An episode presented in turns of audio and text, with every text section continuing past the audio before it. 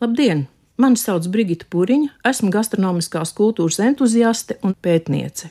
Un mans šodienas jautājums ir, vai zini, ka Eiropiešiem vajadzēja gandrīz 400 gadus, līdz tie pārstāja baidīties no kartupeļiem? Eiropa līdz 16. gadsimta sākumam kartupeļus nepazina. Tie uz Eiropu atceļoja pēc 1532. gada, pateicoties spāņu iekarotājiem, kas zelta meklējumos piestāja Dienvidamerikas krastā senās Inku impērijas teritorijā. Viņi ievēroja, ka vietējie indiāņi uzturā lieto savādu izskatu bumbuļus, ko sauc papa. Spāņi tos uzlūkoja ar aizdomām, tomēr tādēļ, ka tie bija lēti un ilgi glabājās, sāka izmantot pārtikai dodoties garos jūras braucienos.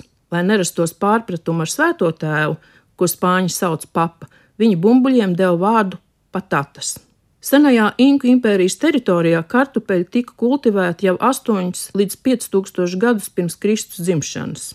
Seni dokumenti liecina, ka kartupeļu 1567. gadā mājvietu vispirms atrada Kanārijas salās, bet Spānijas kontinenta daļā kartupeļi savas pozīcijas nostiprināja ap 1580. gadu. Iesākumā kartupeļi bija domāti tikai vārgajiem un nabagiem. Kartupeļi savu vietu Eiropiešu ēdienkartē ieņēma ļoti lēni. Cilvēki pret kartupeļiem izturējās aizdomīgi, tos atbaidīja gan kartupeļu bumbuļu izskats, gan tas, ka tie aug zem zemes no bumbuļiem, nevis no sēklām. Savu artavu bailēm deva arī kristīgās baznīcas autoritātes, nosaucot kartupeļus par vēlnāboliem un norādot, ka tie nav paredzēti cilvēku pārtikai, jo tie nav minēti Bībelē.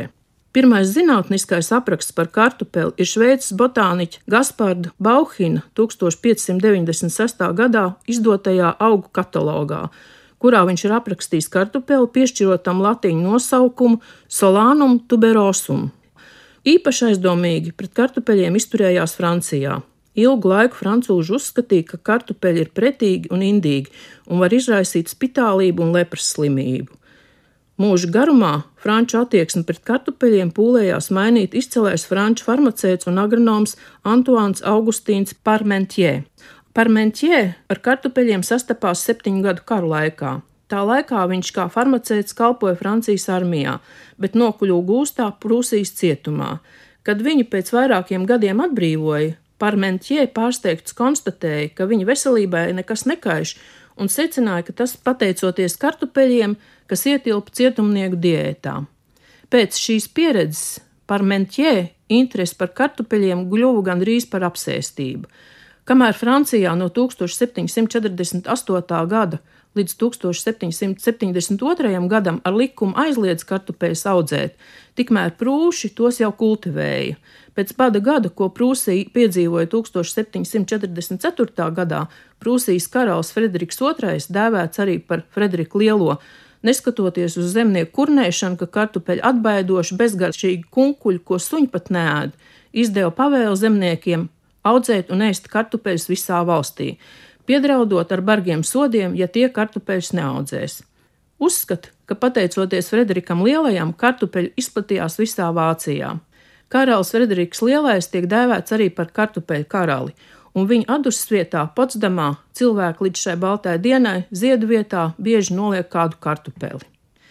Atgriežoties Parīzē 1763. gadā, Parmentie turpināja pētījums uzturķīmijā, pētot kartupeļu uzturvielas, Viņa ierosinājumu kartupeļus izmantot uzturā cieta neveiksmi līdz 1770. gada neveiksmīgajai ražai, kas draudēja ar badu. Parmentie kārtējo reizi piedāvāja neražas problēmu risināt, ieviešot diētā kartupeļus, un tas šoreiz tika pieņemts. Pateicoties Parmentie pētījumiem, Parīzes medicīnas fakultāte 1773. gadā pasludināja kartupeļus par ēdamiem tomēr visa veida pretestība turpinājās. Francijas karalis Luīs 16. atbalstot parmentie ideju, ka kartupeļu nākotnē neražas un bada laikā var aizstāt maizi, piešķīra viņam zem netālu no Parīzes. Parmentie tur ierīkoja eksperimentālos kartupeļu laukus. Kad kartupeļu uzziedēja, viņš kādā karaļnam ballē kartupeļu ziedu pušķus uzdāvināja karalim Luijam 16. un Marijai Antoanetei kas ar tiem izgreznojās. To redzot, galvenieki vēlējās kartupeļu ziedus kā veiksmes simbolu un bija gatavi par tiem pat maksāt. 18. gadsimtā daudzu Eiropas dišciltīgo dārzos kartupeļi savu ziedu dēļ gozējās dobēs kā krāšņu augs. Parmentjē, izmantojot savu pieredzi, zinātnisko pieeju, izdomu, dažādi pūlējās pārliecināt, ka kartupeļi vērtīgi un ēdami gan dišciltīgos, gan zemniekus un tikai 18. gadsimta beigās Francijā un arī citur Eiropā, ieskaitot patreizējo Latvijas teritoriju, ar izglītošanu, lūkšanos un piespiešanu, beidzot izdevās panākt, ka zemnieki sāk audzēt un ēst kartupeļus. Pateicoties kartupeļu popularizēšanas nopelniem, Parmantjē tiek dēvēts par kartupeļu vīru. Pēc Parmentjē nāves par godu viņām daudziem franču kartupeļiedieniem tika piešķirts Parmentjē vārds. Piemēram, hačis parmentjē ir krāsnī pagatavots sacepums, kas sastāv no lielopu gaļas un kartupeļu biezeņu kārtām, kas pārkaisītas ar sieru.